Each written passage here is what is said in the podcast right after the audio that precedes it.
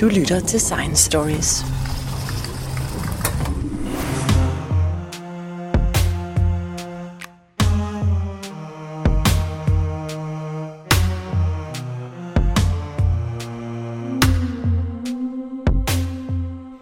Dette program om kvaliteten af mediernes dækning af sundhedsforskning og medicin blev optaget i begyndelsen af 2019, et år før vi hørte om de første tilfælde af covid-19. Hør hvorfor WHO allerede dengang advarede om manglende kvalitet og tilstrækkelig journalistisk dækning af globale sundhedsproblemer. Og hvor meget eller hvor lidt god journalistik kan gøre en forskel. Jeg taler med journalist og forsker Gunvar Løstbæk Vestergaard fra Weekendvisen om godt og skidt i mediernes dækning, og Christian Wittfeldt Nielsen fra Aarhus Universitet fortæller om HPV-vaccinen og den danske debatkultur i medierne. Jeg hedder Jens Teget, og dette er Science Stories. Du lytter til Science Stories.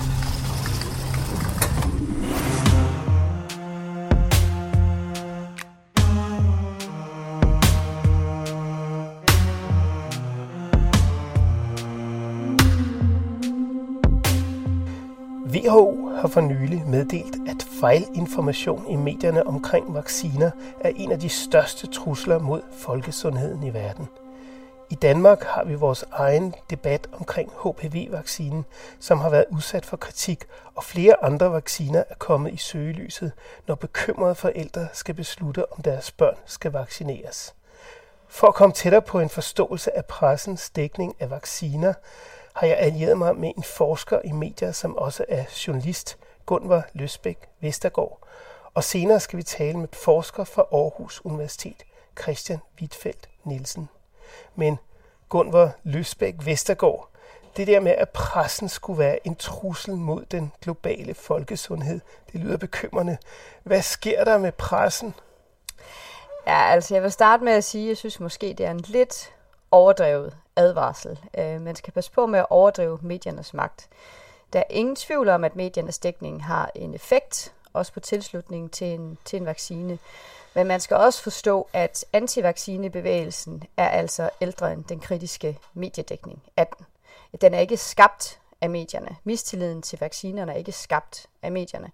Øh, antivaccinebevægelsen mod HPV-vaccinen, eller kampagnen mod HPV-vaccinen, er ældre end øh, de kritiske artikler, der, der kom først i politikken, og øh, TV2-dokumentaren. Så bliver det pustet til ilden, det er helt sikkert, og der, der er nogle effekter i spil, det er der. Øh, også øh, modstand mod øh, MFR-vaccinen og hele Andrew Wakefield skandalen omkring øh, uredelig forskning om kobling mellem MFR og autisme. Der var modstand mod MFR-vaccinen længe inden. Wakefield var bare sådan en, en legitimering af kritikken, eller noget, som blev brugt til at sige, prøv at se her, vi har ret, øh, vaccinen er, er farlig. Øhm, men det, der jo så sker, der er jo den her antivaccinebevægelse, som ligger og bobler hele tiden. Den er der, uanset hvilken vaccine, der kommer frem, så er der modstand. Der er en, en meget, meget stærk anti-vaccine-lobby øh, af en art, øh, og de er der. Når de så får fat i medierne, og der bliver blæst en, en, en kampagne op, ja, så kan vi se dyk i vaccinetilslutningen. Og så er det, det kan gå hen og blive, ja, som WHO siger, altså en trussel. Og det kan det, hvis ikke man har tungen lige i munden. Og vi så det i, med HPV-vaccinen, øh, hvordan øh, tilslutningen til vaccinen jo faldt ganske drastisk.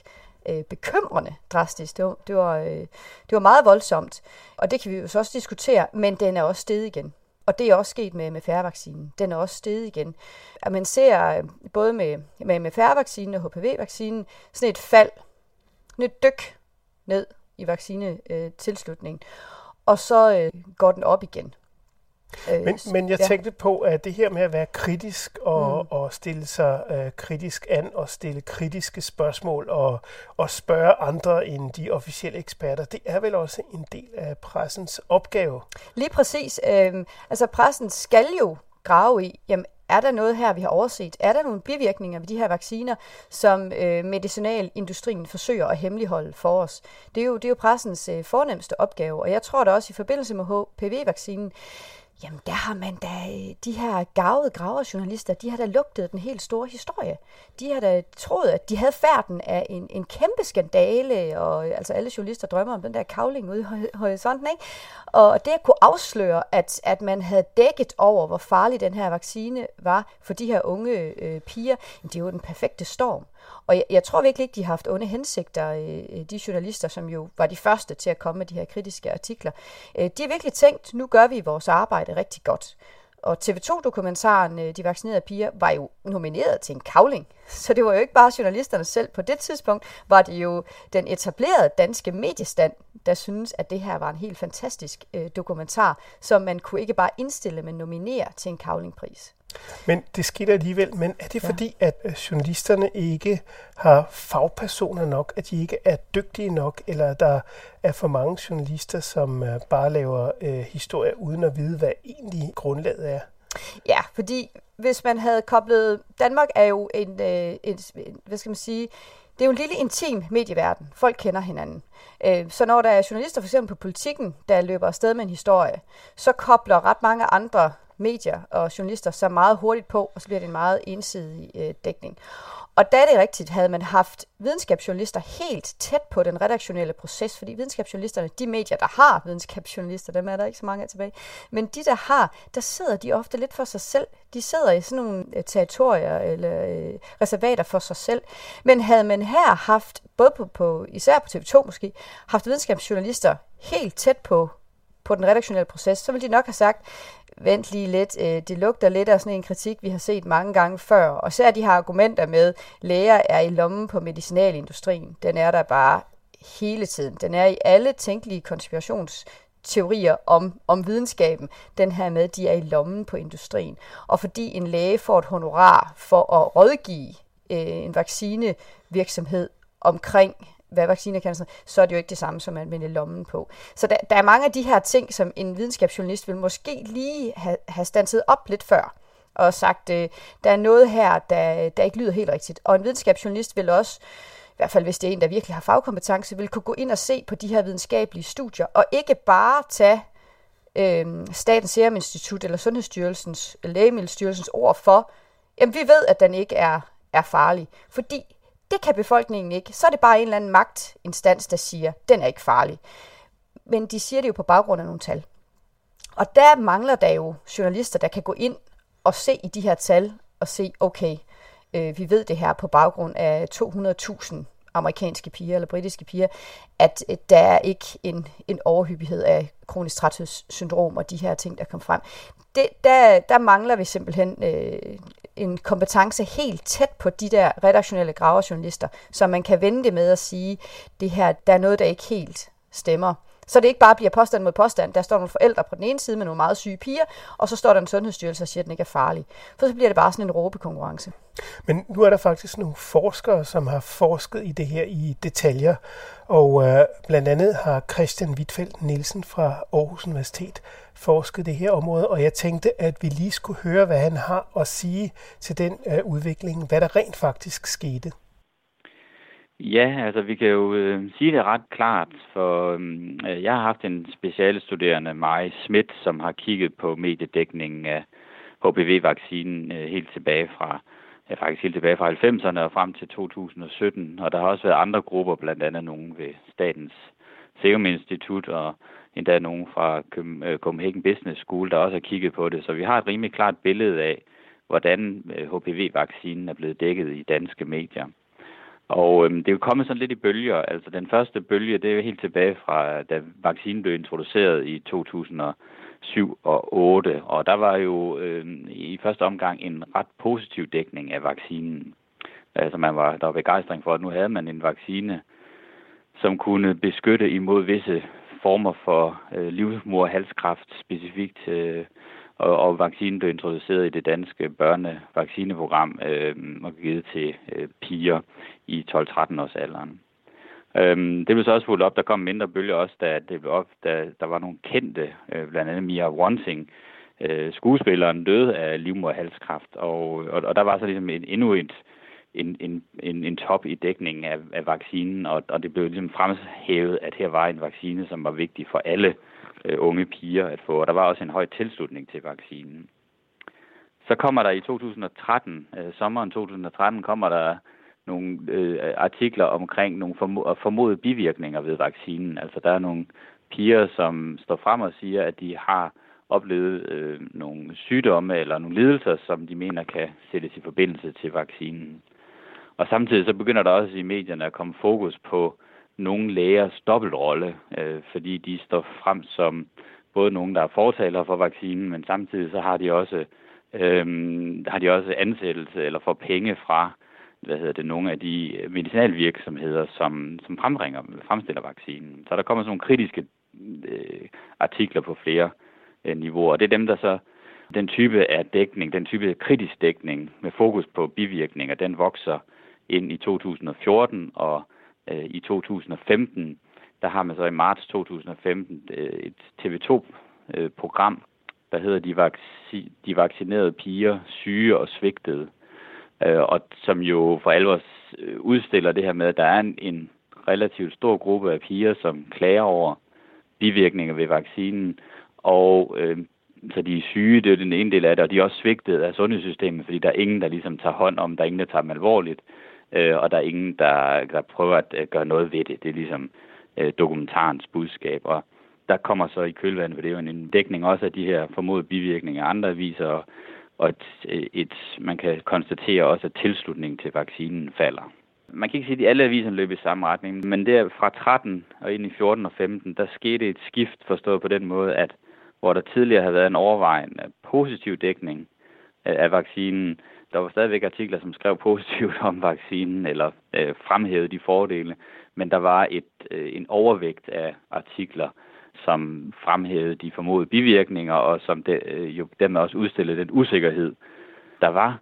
Øh, altså en reel usikkerhed, vil jeg, vil jeg sige, øh, forstået på den måde, at øh, fordi det var en ny vaccine, så havde man simpelthen ikke, altså så var det svært at fremlægge overbevisende dokumentation for, at øh, der ikke var de her bivirkninger, og at vaccinen virkede, som den skulle. Fordi det var en anden del af kritikken. Det var, at der var nogle læger, som stod frem og sagde, jamen den dokumentation, som medicinalfirmaet har tilvejebragt for, at vaccinen virker, den er, den er simpelthen for svag, fordi vi kan ikke, altså vi kender endnu ikke resultaterne af at have vaccineret store kohorter af piger, og hvordan ser det så ud om 20-30 år, øh, når de øh, ellers ville have udviklet øh, livmoderhalskræft. Hvad, hvad kan vi så dokumentere en, en virkning ved vaccinen?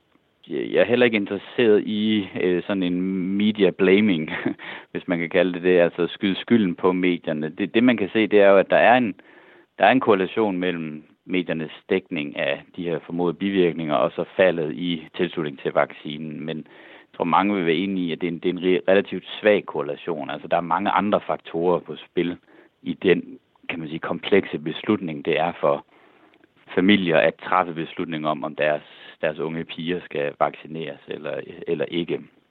Og jeg giver dig helt ret i, at jeg synes, at altså, medierne har en rolle i at, at prøve at op, altså, opklare sagen, kan man sige. Ikke? Altså, at hvis der er tale om formodede bivirkninger, jamen, så skal det selvfølgelig øh, undersøges, og det skal altså, og, og sundhedsmyndighederne skal konfronteres med det spørgsmål, og, jo have mulighed for at give det bedste svar, de har. Ikke? Så, så jeg synes jo, altså på mange måder kan man se det som, som udtryk også for en, en, en sund debatkultur i, øh, i Danmark. I første omgang, så havde sundhedsmyndighederne lidt vanskeligt ved at trænge igennem. Øh, og, og det skyldes jo blandt andet også, at mange af de studier, som, øh, som senere hen øh, kom til, og som, som, altså, som gav en bedre evidens for, at HPV-vaccinen virker, og at den her sammenhæng mellem det at få vaccinen og de her formodede bivirkninger var, var, var ret svag og måske helt, helt grundløs. Øh, den, ikke, altså den, den evidens var der simpelthen ikke. Øh, og, og så skete der også det, at sundhedsmyndighederne ikke havde held til at tale til den her gruppe af bekymrede piger eller piger med formodede bivirkninger. Øh, simpelthen fordi man, man sagde, at jamen, altså man bare kom frem med, med, man gav dem den viden, som den bedste viden, man havde om, at der ikke var noget, nogen sammenhæng. Altså man talte ikke til det egentlige bekymring, de havde, kan man sige. Altså man talte lidt forbi hinanden. Så er der jo den øh, ekstra problematik i dagens øh, mediebillede, at når vi snakker om medierne tidligere, så mener vi jo de traditionelle medier, altså de journalistiske nyhedsmedier, aviserne og øh, fjernsyn øh, og, øh, og radio.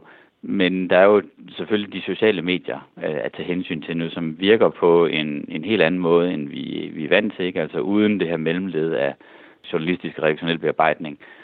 Og, og dermed øh, kan der opstå nogle, nogle fællesskaber omkring, og det var det, der skete, ikke? Altså, der opstå nogle fællesskaber omkring de her formodede bivirkninger og og en vaccine skepsis, som man vil, som bliver landstækkende øh, og foregår på Facebook eller Instagram eller, eller andre steder, øh, og som har sådan en helt egen dynamik, uafhængigt af, hvad der ellers foregår i øh, den offentlige debat.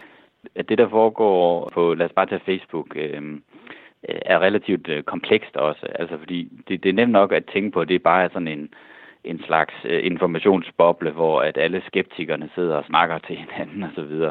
Øh, men der har vi øh, igen, det er så en, en anden øh, jeg har, der har arbejdet med sagen, Thomas Agergaard, og han har kigget på tre forskellige Facebook-sider, som har været øh, altså opstået i forbindelse med de her formodede bivirkninger i forbindelse med HPV-vaccinen. Og det han har fundet ud af, det er jo, at der er ret stor forskel på, hvordan de her øh, fællesskaber eller Facebook-sider, de øh, fungerer. Ikke? Altså det er lige fra fra en gruppe, som er, er relativt sådan konspiratorisk i sin tænkning og, og nemt afviser al den nye information, der kommer fra sundhedsmyndighederne, som bare endnu et eksempel på, at der er en eller anden øh, ond vilje og et ondt øh, samarbejde mellem myndigheder og medicinalvirksomheder. Til andre grupper, som rent faktisk øh, går ind og tager en kritisk diskussion af, hvad den nye viden, der kommer fra sundhedsmyndigheder, og prøver at, ligesom at bearbejde den i forhold til, hvad man ellers ved osv. Så det er også ret komplekst, hvad der egentlig foregår der. Så jeg tror, at man skal være virkelig... Øhm, altså hvis man skal ud og ramme sådan nogle grupper, eller komme i tale med dem, så skal man jo dels være, hvor de er på Facebook eller Instagram eller andre steder. Og man skal også nuancere sin kommunikation, alt afhængig af, hvem det er, man taler til. Men det virker så også som om, at efter nogen tid, så kommer pressen alligevel også øh, til fornuft. Ja, altså man kan jo se i de her øh, kontroversielle øh, sager, at tit så er der sådan et forløb, som er sådan gennemgående. Altså først så kommer den her, først så kommer der til den positive historie. Det ser vi også her med vaccinen. Det er en kræftvaccine. Den kan, øh, den kan altså vaccinere mod kræft. Det er jo, det er jo en kæmpe historie. Og så øh, skal der ikke ret meget til, før hele medieverdenen eller hele branchen faktisk øh, vender øh, en vej. Øh, man snakker om øh, altså øh, det, der hedder hurt journalism, eller pack journalism. Vi kan også kalde det for lemmingeffekten, Det er måske mere kendt. Men man, man har set det mange gange, i, øh, i, især i dækningen af, af videnskab, at så vender samtlige journalister de løber alle sammen en vej. Og så er der en, der skal bare en til at breake en kritisk historie. Og hvis det så er, er en, der har øh, stor nok troværdighed i øh, journaliststanden, så løber alle den vej. Og det, det så vi jo med vaccinen her, at pludselig hoppede alle på den kritiske historie. Alle vendte den vej. Og så var der nogle enkelte medier, øh, i min egen avis, Weekendavisen, Lone Frank, skrev en meget hvad, hvad skal man sige, kritisk artikel om antivaccinebevægelsen, øh, og der var også noget dækning på videnskab.dk, men det fængede ikke an, fordi alle var løbet en vej, og der var ikke nogen, der kunne få, øh, få hele øh, journalisterne til at stanse op. Og så skal der som regel bare jamen, en artikel igen fra en eller anden troværdig kilde, til at vende det hele rundt en gang til. At de her øh, øh, vinklingen i medierne eller, eller øh, i rammesætningen kan ændre sig meget, meget hurtigt. Det kan nærmest ændre sig fra dag til dag, at pludselig løber alle en vej. Og det har vi også set i, i, øh, i dækningen HPV-vaccinen. Jamen i dag, der er der jo ikke nogen, der snakker om de her syge øh, piger. Nu snakker vi om selve mediedækningen. Om, om, om øh, der var altså det gør vi jo bare i det her program, men det gør vi jo også i medierne, diskuterer, jamen, jamen var den fejlslagen? Altså var der en, øh, en falsk balance? Fik de her forældre for meget taletid, og skulle, skal, hvordan skal vi gøre det på en, på en anden måde? Den her metadiskussion om mediernes dækning, som også er, er kommet. Og, og den kan man se ret ofte. Det starter positivt, så skal der ingenting til, så er det den kritiske historie, fordi det er den, journalisterne jo gerne vil have, det er den, medierne gerne vil have. Og så går der lidt tid, og så slår man koldt vand i blodet, og så vender det hele en gang til, og så mm. snakker vi om, hvor, hvor blinde vi var i dækningen.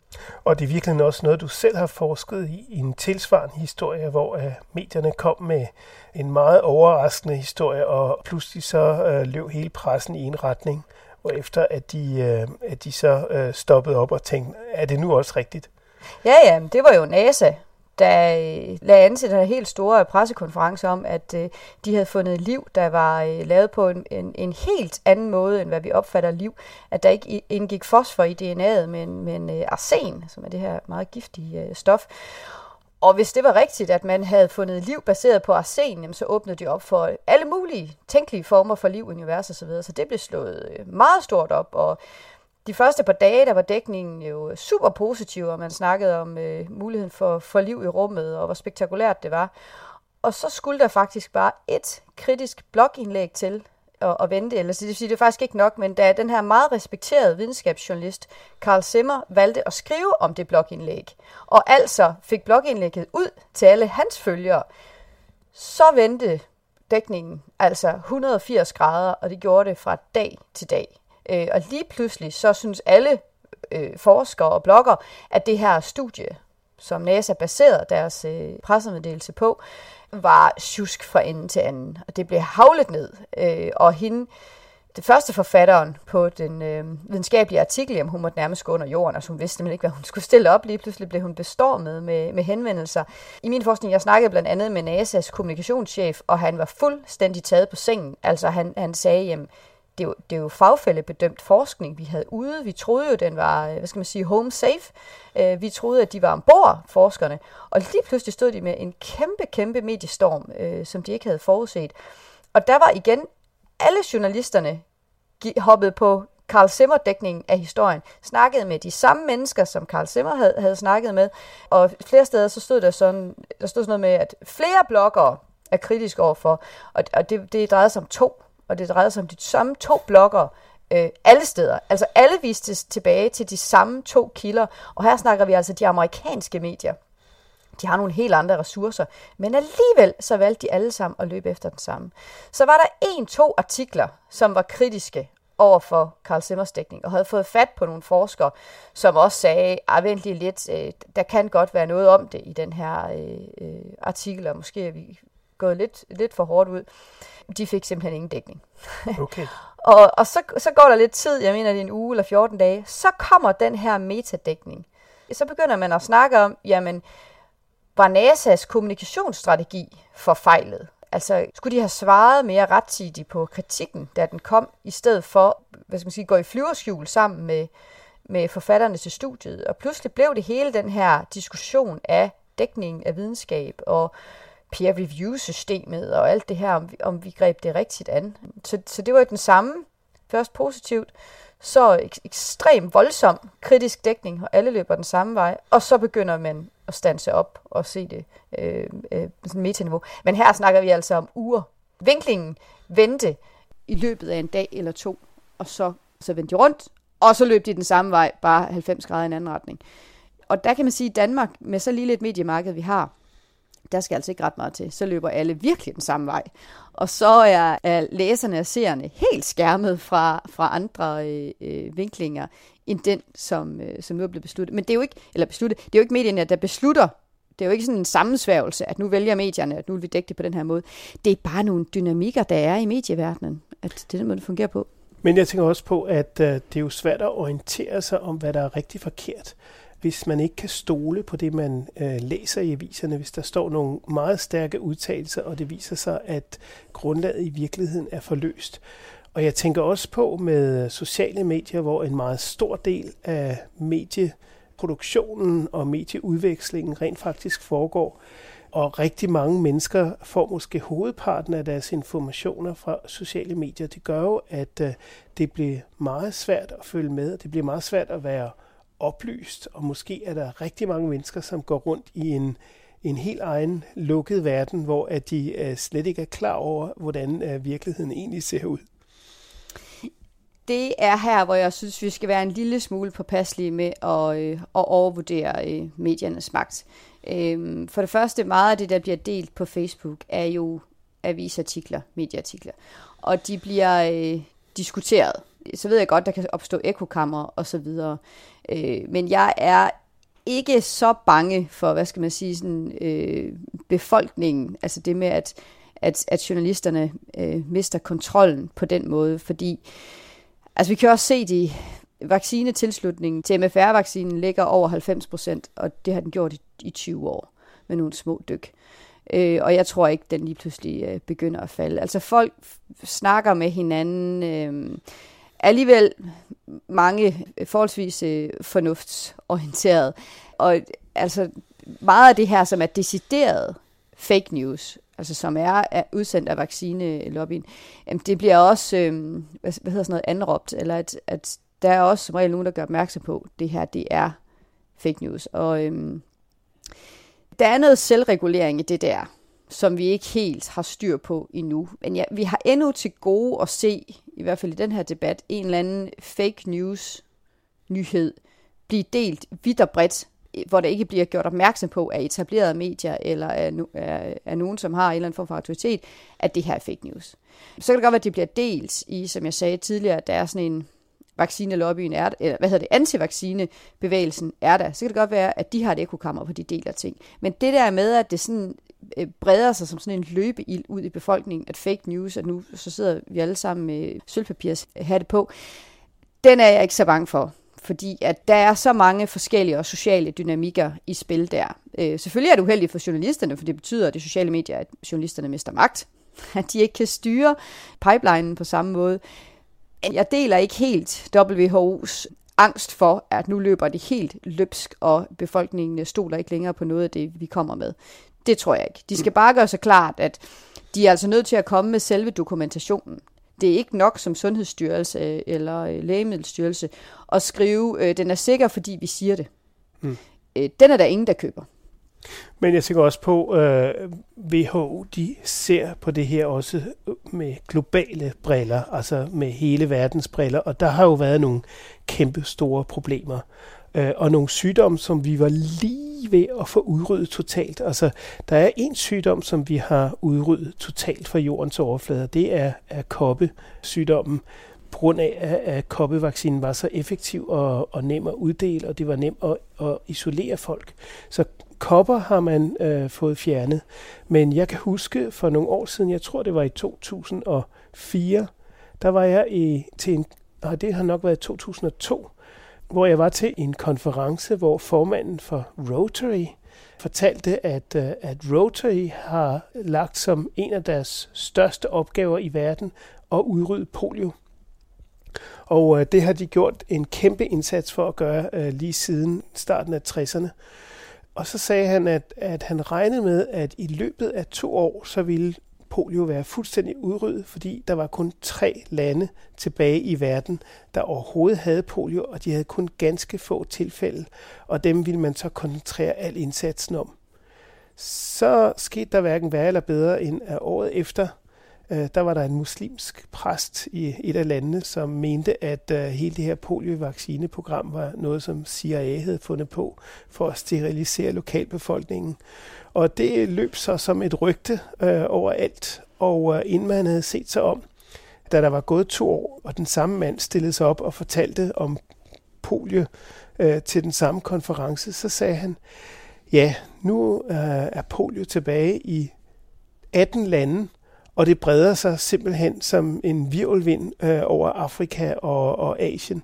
Så med sådan ganske, ganske få greb kan man starte et rygte, som lige pludselig får en sygdom til at, at sprede igen. Og vi har jo også set altså, andre sygdomme, som man jo nærmest betragter som udryddet her i den vestlige verden. Hver gang man holder op med at holde øje med den og vaccinere og, og, og passe på den, for eksempel sådan noget som tuberkulose, øh, så kommer den nemt igen.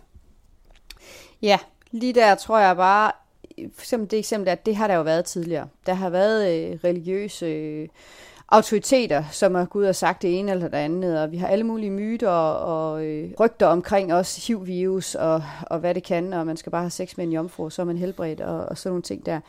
De er der helt sikkert. Jeg tror bare, der står journalisterne lidt på sidelinjen. De rygter der vil sprede sig, når en stor religiøs autoritet stiller sig op og siger sådan noget der, at poliovaccinen er skabt af, af CIA, så spreder det sig. Det gør det. Og jeg ved næsten ikke, hvad journalisterne skal. Selvfølgelig skal man dække det kritisk, men man må også bare indrømme, at der er nogle steder, hvor øh, religiøsitet og nogle kulturelle ting har godt fat i folk. Virkelig godt fat i folk.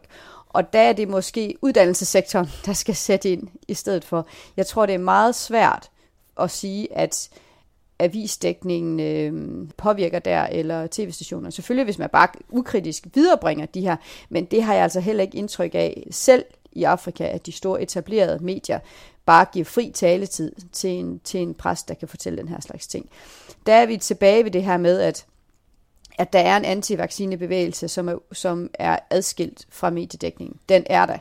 Og vi ved det også fra USA øh, med de mæslingeudbrud, der har været nu her, at det har været i små, de kalder dem hotspots, hvor der er en eller anden sekt, eller en eller anden særlig kulturel forståelse, eller et eller andet, som gør, at man er meget skeptisk over for, for øh, vacciner, så der har man en meget lav vaccine dækning, Og de hotspots er der.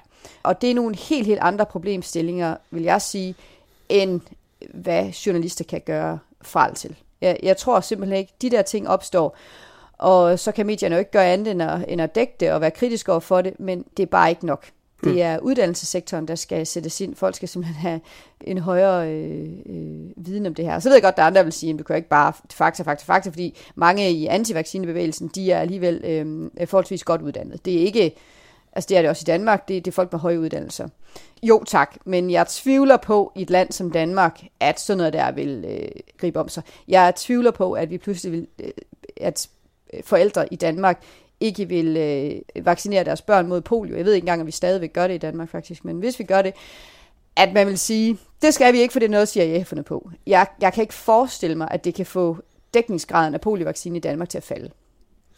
Hvis du som journalist skal tjekke en historie, hvad gør du så? Altså, hvordan tjekker du af en historie, som du ser et eller andet sted, som du skal til at referere i weekendavisen, eller hvor det skal være? Hvordan tjekker du, at den historie øh, holder vand? Ja, altså noget af det første, jeg gør, det er at se, jamen, er der kun ét studie, der peger i den her retning. Altså lad os nu sige, at jeg får en mail fra en fra en øh, antivaccineforening, nogen der er imod øh, vacciner. Det, det sker jo øh, af disse typer journalister. Dem skal man jo ikke bare fejre bordet, bare fordi de er dem, de er. Hvis de sender mig en mail med et, et, et link til en ny artikel, der viser om en eller anden øh, sammenhæng mellem bivirkninger. Altså det første, jeg vil gøre, det er jo at kigge, jamen altså, er der andre videnskabelige artikler, der peger på det samme? For du kan altid finde en videnskabelig artikel i et eller andet obskurt tidsskrift, der siger et eller andet bestemt. Du kan finde videnskabelige peer-reviewed artikler, der siger, at rygning ikke er farligt. Det kan man altid finde. Men det der med at lige undersøge, jamen, er der noget, der, der, der tyder på det her? Er der kun den her ene artikel, eller er der ikke? Hvis der kun er den ene artikel, så skal man virkelig være på vagt. Og det er jo heller ikke nok til at sige, den her videnskabelige artikel, at det så er forkert. Men så øh, plejer jeg også at gå ned og kigge i, jamen altså, hvem har lavet den? Hvilke universiteter kommer det fra? Er det et stort, øh, velkendt øh, øh, universitet? Er det en person, som har publiceret meget om vacciner øh, tidligere, som har øh, også øh, sådan respekt om sig autoritet i miljøet? Er det et, et tidsskrift? Er det et øh, anerkendt øh, tidsskrift? Hvis det er et eller andet online tidsskrift, man kan betale sig for at komme i, så er der måske ikke øh, øh så meget om det. Og hvis jeg stadigvæk kan se, jamen altså, det er velrespekteret øh, både øh, forskere og, og tidsskrifter, jamen så øh, er det jo med at ringe rundt til nogle, sende selve artiklen til nogle, nogle andre forskere inden for det her felt og sige og spørge, om der, der er noget om det her. Man skal jo bare være opmærksom på, at der er jo ikke, jeg tror mange journalister har en idé om, at der er sandt og falsk i videnskabsverdenen. Øh, og det er der ikke. Øh, jo, du kan godt sige, at jorden er ikke flad men der er altid nuancer. Og når vi snakker om sådan noget med vacciner, så er, og, og global opvarmning for den sags skyld også mange af de her kontroversielle emner, der er ikke et rigtigt og forkert.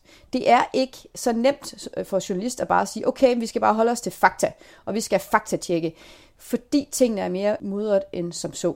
Øh, så man er simpelthen nødt til at lave et lidt større researcharbejde. Og øh, noget, der ville være rigtig smart, det var jo at gå lidt ned ad gangen og banke på hos den videnskabsjournalist, man forhåbentlig har ansat på sit medie eller videnskabsredaktion, og spørge dem, kan I lige kigge på det her? Fordi videnskabsjournalister er bare vant til at læse videnskabelige artikler. Og det er de redaktionelle, øh, øh, hvad skal man sige, almindelige indlandsjournalister øh, sjældent.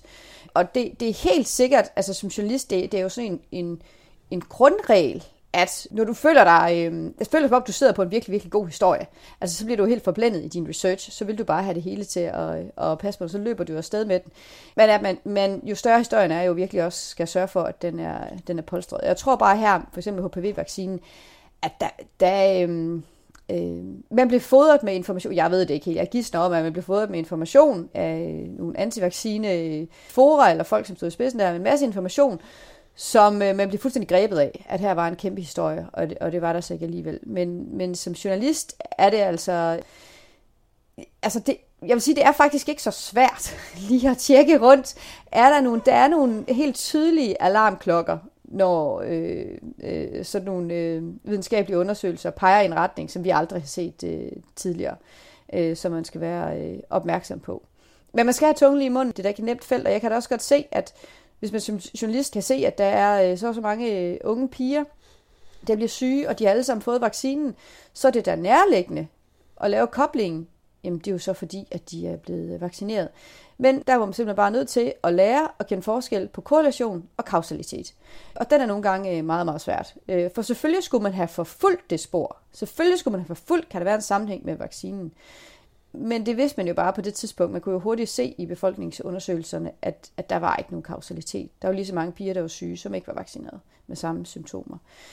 Men, men jeg synes, at medierne skal lære af, af den dækning, der har været af HPV-vaccinen, at vi altså skal have tungen i munden her, og vi skal forstå, hvad det er for nogle dynamikker, og vi skal forstå, at der er en meget, meget stærk lobby, som forsøger at sælge den her, hvad jeg vil kalde halvkonspiratoriske idé om, at øh, medicinalindustrien holder en masse skjul for os, og de er bare interesseret i at tjene penge.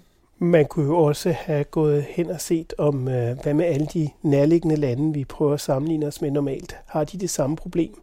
Og har de også øh, eksempler på masser af unge piger, som har fået eller ikke fået vaccinen? Eller hvad skete der før vaccinen kom? Var der ikke også en masse øh, unge mennesker, som havde problemer? Og, og det er jo det, der er det øh, sørgelige, fordi hvis man havde gjort det, så ville man jo have set, jo, der er også piger, der bliver syge i alle de andre lande, men at det er helt adskilt fra vaccinen. Og jeg synes jo, den helt store historie er jo, hvad i al hulen sker der med de her unge piger, siden vi har, hvis der er så mange, der har det så dårligt, vaccineret eller ikke vaccineret. Men børnelægerne har jo fortalt om det her fænomen i årtier, øh, eller i hvert fald par årtier. De har jo kendt til det. De har fået de her unge piger ind, som går og besvimer, har kronisk hovedpine, øh, pludselig fra den ene dag til den anden øh, ikke kan overskue noget som helst. Det synes jeg er den store historie, der er gået tabt. Hvad er det, der er øh, øh på spil med de her piger? Og nu er det så kommet til at handle om øh, vaccine eller ikke vaccine.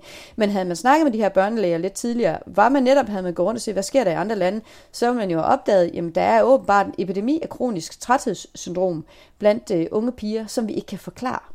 Og det er jo rigtigt, de, bliver, de er blevet svigtet af sundhedssystemet. Der har ikke været noget tilbud til dem. Og den historie er jo bare ikke blevet dækket. Mm. Men jeg tænker også på en anden øh, problemstilling, man har som avislæser, det er jo, at øh, kilderne sjældent er, er angivet, så man kan ikke se helt præcist, hvor er det tidsskrift, den historie kommer fra, hvor er den øh, faglige baggrund, som man burde få. Og det betyder så, at man kun får det der meget overfladiske kendskab til tingene, og man kan faktisk ikke rigtig tjekke det. Jamen, det er rigtigt. Og, og der øh, tror jeg, at vi skal blive bedre til, især online, at udnytte de muligheder, som nettet faktisk giver. Fordi man kan jo lægge et link ind til den videnskabelige artikel. Og så vil jeg sige, ja, men de er jo gemt bag betalingsmure. Og det, så kommer vi ned til måske kernen af problemet, for den ligger ikke hos journalisterne, den ligger i den videnskabelige verden. Den ligger hos forskerne selv. Og forskerne er nødt til at lære i en verden med så meget information, at de er nødt til at være meget mere åbne. Man skal simpelthen kunne få direkte adgang til de her store befolkningsundersøgelser. Så svære er de heller ikke at læse. I hvert fald ikke øh, abstract osv.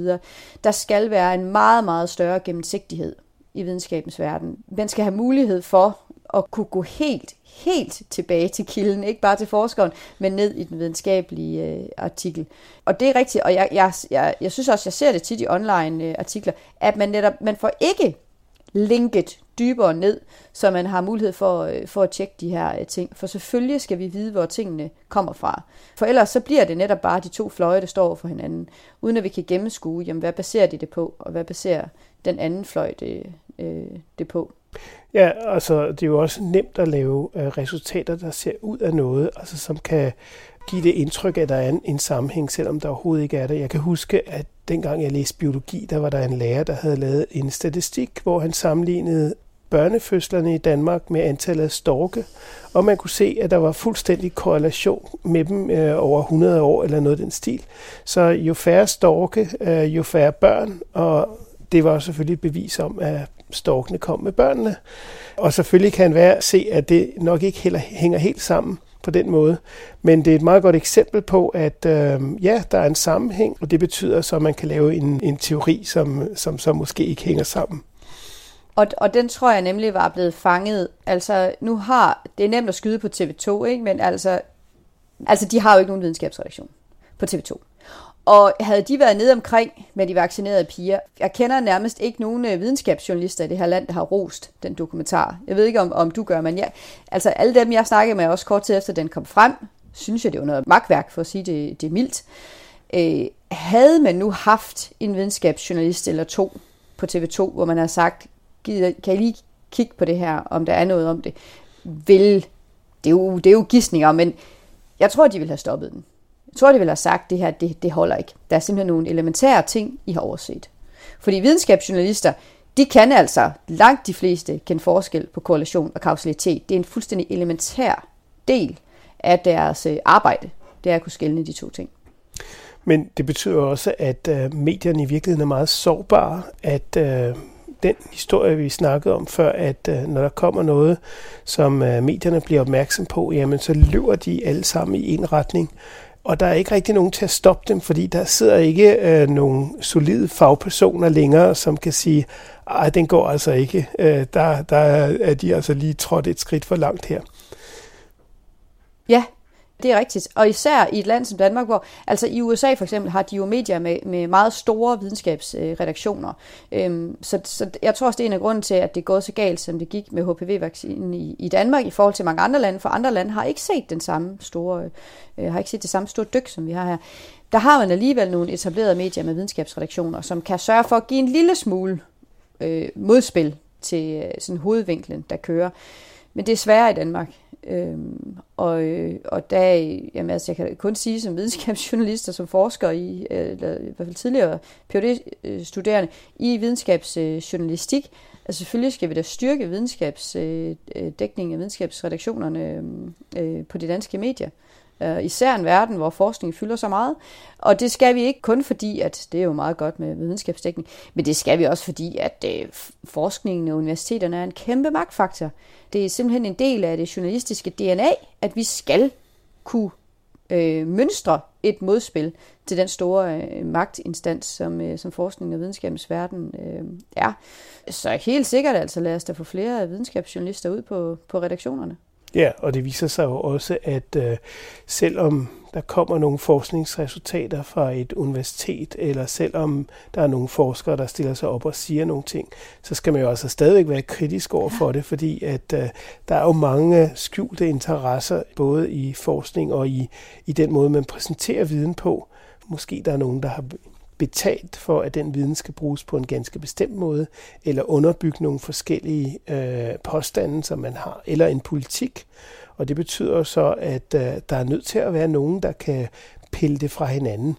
Og, øh, og det kan man ikke, hvis man, øh, hvis man er generalist og ikke kender til øh, den faglige baggrund for det, øh, der bliver talt om. Altså jeg vil sige, det er fuldstændig det samme som hvis jeg skal dække en politisk historie. Så går jeg ind til vores øh, øh, politiske reporter, vores Christiansborg-folk, som kender den verden ind og ud, og spørger, hvordan jeg skal forholde mig til, til det her. Og det er det, videnskabsjournalisterne øh, kan. De kender forskningsverdenen, de kender dynamikkerne, de ved, hvordan det fungerer, de kan læse en videnskabelig artikel og alt det der. Og derfor er de jo guld værd i, i sager som de her. Ja, vi må se at få nogle flere videnskabsjournalister ansat på redaktionerne rundt omkring. Tak skal du have, Gunvar Løsbæk Vestergaard.